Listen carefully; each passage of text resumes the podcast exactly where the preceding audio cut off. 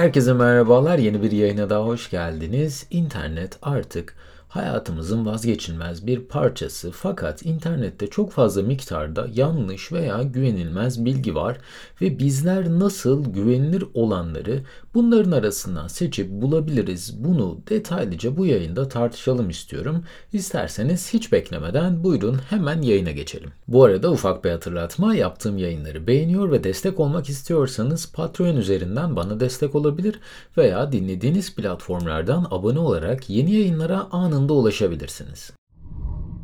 Artık dünyada pek çok insan araştırma yapmak için ilk olarak internete başvuruyor.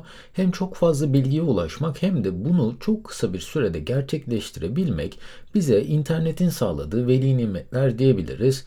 Fakat her güzel şey ne yazık ki bir takım kötü şeyleri de beraberinde getiriyor. Sahte haberler ve yanlış bilgilendirmeler internetin en büyük dezavantajlarından bir tanesi.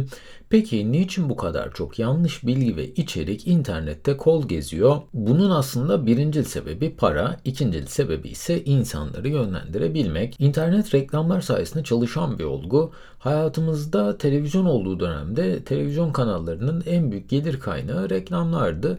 İnternetin de hayatımıza girişiyle aslında aynı sistem devam etti. Fakat yayınlanan içeriklerde ve reklamlarda uygulanan denetleyici bir yaptırım internetteki çoğu platformlarda şu an mevcut değil. Peki bu sahte haberler neler? Bu bilgi kirlilikleri neler? Gelin bir bunlara bakalım. Sahte haberler gerçek gibi görünmek için genellikle sosyal medya platformlarını tercih ediyorlar.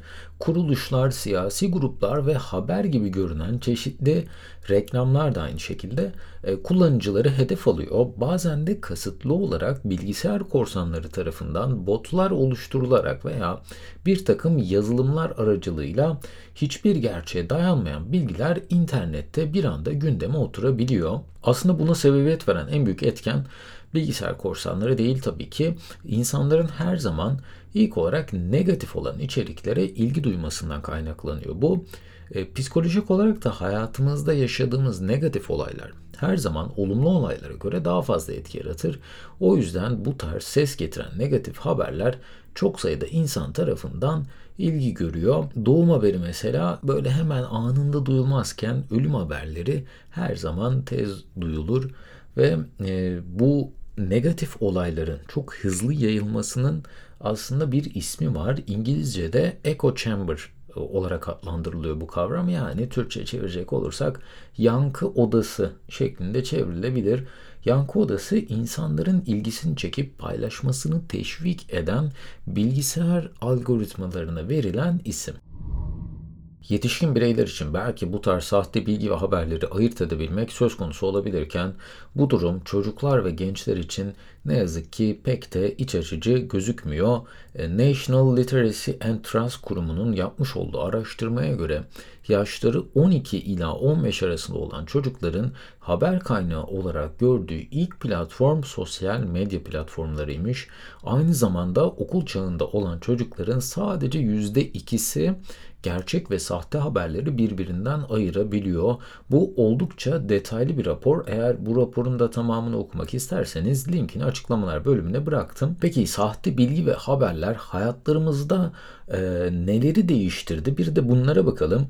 İngilizce'de viral kelimesi şu an çok kişi tarafından aslında Türkçe'de de kullanıyor bu. Fakat bu Fransızca kökenli ve Türkçe karşılığı virüs kaynaklı olan anlamına geliyor.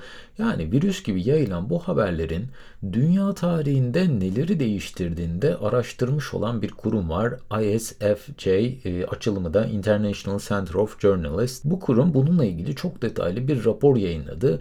Bu rapor 1450'den bugüne kadar sahte haberlerin nelere sebep olduğunu açıklıyor. Örneğin bu raporun içinde 2003-2011 Irak Savaşı, 2011 Suriye İç Savaşı, 2016 yılında Donald Trump'ın seçildiği başkanlık seçimleri, 2018 yılında Cambridge Analytica skandalı bunlardan en çok öne çıkanları. Bu da aynı şekilde çok uzun ve detaylı bir rapor e, ve insanların karar verme algısını bu tarz haberler inanılmaz büyük miktarda etkiliyor. Eğer bu sahte haberleri de e, sahte haberlerin nelere sebep olduğu raporunda okumak isterseniz onun da linkini bırakıyorum.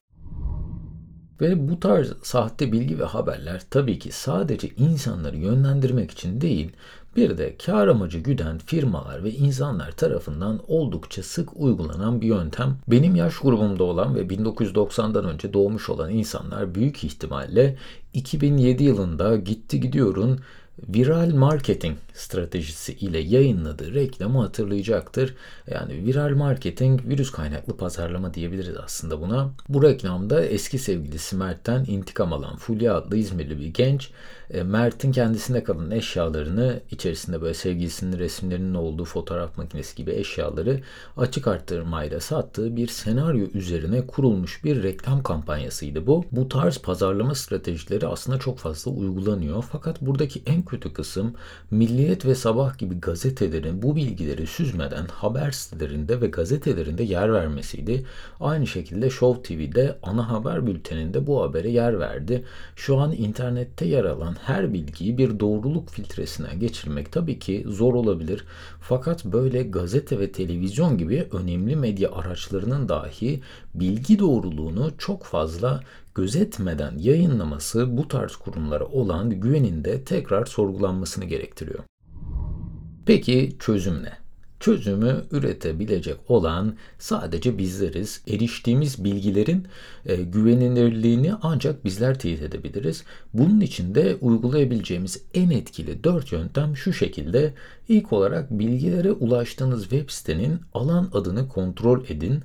Alan adı yani domain adresi bizlere kullandığımız web sitesiyle ilgili ilk bilgiyi veriyor. Örneğin .edu education'ın üç harfinden geliyor. Türkçe'ye çevirirsek eğitici kelimesinden gelen ve genellikle üniversite ve eğitim kurumlarının kullandığı alan adı .gov government'tan geliyor. Hükümet ve resmi devlet kuruluşlarının genellikle kullandığı alan adı bunlar. .org organization'dan geliyor. Organizasyonlar ve kar amacı gütmeyen işletmeler genellikle bu alan adını tercih ediyorlar. .com ise commercial'dan gelen yani ticari kelimesinden geliyor ve kar amacı güden işletmelerin kullandığı alan adı genellikle. Tabi bu alan adlarını çoğu firma artık alabiliyor, değiştirebiliyor. E, her zaman e, bu şekilde devam etmiyor ama en azından .gov ve .edu web siteleri genellikle diğer web sitelerine göre e, biraz daha doğruluğu teyit edilebilir, biraz daha referansları olan web siteleri oluyor genellikle. İkinci olarak yapabileceğiniz şey ise URL adresini kontrol etmek. URL adresini kontrol edebileceğiniz araçlar internette mevcut. Alan adının ne zaman alındığı, web sitenin güvenilirliği, kayıt olduğu şehir ve benzeri gibi birçok bilgiyi bu araçlar sayesinde görebilirsiniz. Bu araçlar özellikle daha önce alışveriş yapmadığınız web sitelerini denetlemek için oldukça yararlı. Ee, benim kullandığım URL denetleme aracının da linkini açıklamalar bölümünde bıraktım. Göz atabilirsiniz. Ulaştığınız web sitesinin de bu bilgiyi paylaşan kişinin kim olduğu, bu bilginin ne zaman yayınlandığı ve bu içeriği oluşturan kişinin referans ve alıntılarının da e, nereden geldiğine dikkat etmelisiniz. Şahsi görüşten çok bilimsel verilere dayalı bilgilere ulaşmaya da özen göstermelisiniz. Ve ben de özellikle bu yaptığım yayınlarda referansları vermemin, kaynakçaları göstermemin sebebi aslında insanların bu bilgileri tekrardan kendilerince kontrol etmesi. Çünkü ben de bu esnada belki yanlış bir bilgi verebilirim. Belki kendi perspektifimi ekleyerek bir şey aktarabilirim. Yani her insanın bir yayını, bir içeriği tükettikten sonraki bakış açısı, yaptığı çıkarımlar farklıdır. O yüzden tükettiğiniz içerik ne olursa olsun, bilgiye ulaştığınız platform neresi olursa olsun bu bilgilerin nereden geldiğini, referansların neler olduğuna dikkat etmek oldukça önemli bence. Gelelim dördüncü olarak yapabileceğiniz en önemli şey kitapları her zaman birincil kaynağınız olarak kullanmak. Kitaplar aslında belirli yayın filtrelerinden sonra bizlere ulaşan kaynaklar genellikle. Fakat kitabı hazırlayan kişinin de o alanda uzman biri olup olmadığı, ne gibi kaynakçaları kullandığı oldukça önemli. Ben ailemi ziyaret etmeye gittim yakın zaman önce ve lise zamanında okumuş olduğum bir kitaba denk geldim e, odamda. E, yaklaşık yani neredeyse 15 sene önceki aslında benim e, ilgi çekici buldu bu kitabı ben tekrar okumak istedim. Fakat kitabı tekrar okuyunca kitabın hiçbir veriye dayanmayan, tamamen insanları böyle birazcık motive etmek üzerine kurulu bir kitap olmuş olduğunu fark ettim. Şimdi kitabın ismini açıklamak belki de çok doğru olmaz fakat içerisinde yani şöyle bilgiler vardı. İşte Sezen Aksu'nun şarkısı bile bunu söylüyor. O yüzden siz de bu şekilde davranmalısınız gibi veri yerine şarkı sözünü referans gösteren bir kitaptı ve bu Türkiye'de döneminin en çok satılan kişisel gelişim kitabıydı. Kendinizi motive etmek için tabii ki böyle içerikler tüketmekte hiçbir sorun yok. Fakat bunların çok eğitici kitaplar olduğunu da söylemek açıkçası zor. Örneğin Jim Collins'in yazmış olduğu Good to Great kitabı. Ben bu kitaptan sürekli bahsediyorum. İyiden mükemmele kitabı. Hani bu tarz böyle diğer kaynaklarla kıyasladığımda bu kitap çok daha eğitici bir kitap. Çünkü e, bu kitabın ekibi akademik insanlar çoğu firmaların verilerini analiz etmek için bütün bu firmalarla, firmaların çalışanlarıyla yüz binlerce saatlik görüşmeler yapıp ve bu işin sonunda elde ettikleri verileri bir araya getirerek bu kitabı oluşturmuşlar. Öte yandan şarkı sözünü referans gösteren kişisel gelişim kitapları da piyasada mevcut. Bu tarz kaynakları araştırıp bulmak ve sürekli olarak sorgulamak oldukça önemli. Ve devam edelim. Başka yapabileceğiniz neler var? Çapraz kontrol yapmak, araştırdığınız konuyu sadece bir kaynaktan değil birden fazla kaynaktan araştırmak ve sorgulamak sizlere daha geniş bir bakış açısı sağlayacaktır ve bilginin de güvenilirliğini sorgulamanıza yardımcı olacaktır. Benim de yapmış olduğum yayınlarda her ne kadar güvenilir kaynaklardan bilgileri alıp filtreleyip sizlere ulaştırmaya çalışsam da bazı yanlışlar tabii ki yayın başına bahsettiğim gibi olabilir. O yüzden sürekli olarak tükettiğiniz bilgileri hangi platformlardan gelirse gelsin başka kaynaklardan da kontrol etmeye çalışın kesinlikle. İnternetteki bilgilere ulaşabilmek için çoğu insanın aslında başvurduğu kaynak Google. E, yaptığınız aramaya göre de Google biraz ön yargılı bir araç. Özellikle Gmail hesabınızla giriş yaptığınızda sizin geçmişteki aramalarınızı analiz ederek size özel bir arama sonucu yaratıyor. Aynı zamanda arama yaptığınız bölgeye ve zamana göre önünüze gelen sonuçlar da değişiyor. Örneğin şu an Google'da sosyal medya bizlere zarar veriyor mu şeklinde bir arama yaparsanız sosyal medyanın zararları ile alakalı sonuçlar sadece önünüze gelecektir. Onun yerine şöyle bir soru sorarsınız. Sosyal medyanın bize sağladığı yararlar şeklinde bir arama yaparsanız sadece sosyal medyanın olumlu kısımları ile alakalı sonuçları e, Google size sunacaktır. Eğer bu konuyu araştırıyorsanız sosyal medyanın etkileri olarak aramak aslında sizlere her iki bakış açısını da e, sunacaktır. Her iki bakış açısına ait kaynakları önünüze getirecektir. Bunu yaparken de kullandığınız web tarayıcısında incognito mod veya işte bu private window olarak geçen yani gizli veya işte özel pencere seçeneğini kullanarak arama yapmak sizlerin de daha tarafsız bilgilere ulaşmasını sağlayacaktır.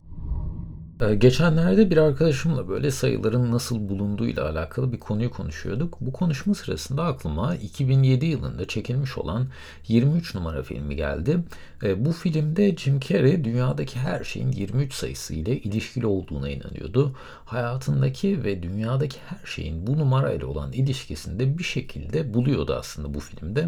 İşte dünyanın 23,5 derece eğik olması, bilimde, teknolojide, İncil'de ve müzikte 23 numara numarası çok fazla yer alıyor. Fakat filmin sonunda insan bir şeye odaklandığında onunla ilgili olan her şeyi bir araya getirmeyi başarıyor şeklinde açıklamışlardı. Eğer Örneğin bir araba markasının tanıtımını böyle yakın zamanda izlediyseniz trafikte çok fazla sayıda bu arabayı görmeye başlarsınız ve bu bir tesadüf değildir. Çünkü beyniniz yüz binlerce araba arasından bu arabayı ayırt edip dikkatinizi oraya toplayabiliyor. Bu yüzden bu konuda tarafsız olmak istiyorsanız her zaman o konu hakkında farklı görüşleri de değerlendirmek oldukça önemli. Daha önceki yayınlarda da bahsetmiş olduğum bir belgesel var aslında. The Social Dilemma. Bu Netflix'e bir belgesel. Vaktiniz olursa izlemenizi tavsiye ederim. Bu konuları çok iyi ele almış bir belgesel bence. Ve bugün de bu yayının sonuna gelmiş bulunuyoruz. Umarım bugün de sizlere faydalı bilgiler sunabilmişimdir. Bu arada tüm yayının yazılı metnine ve yayında kullandığım kaynaklara açıklamalar bölümünden ulaşabilirsiniz. En kısa sürede başka yayınlarda görüşmek üzere. Kendinize çok iyi bakın. Hoşçakalın.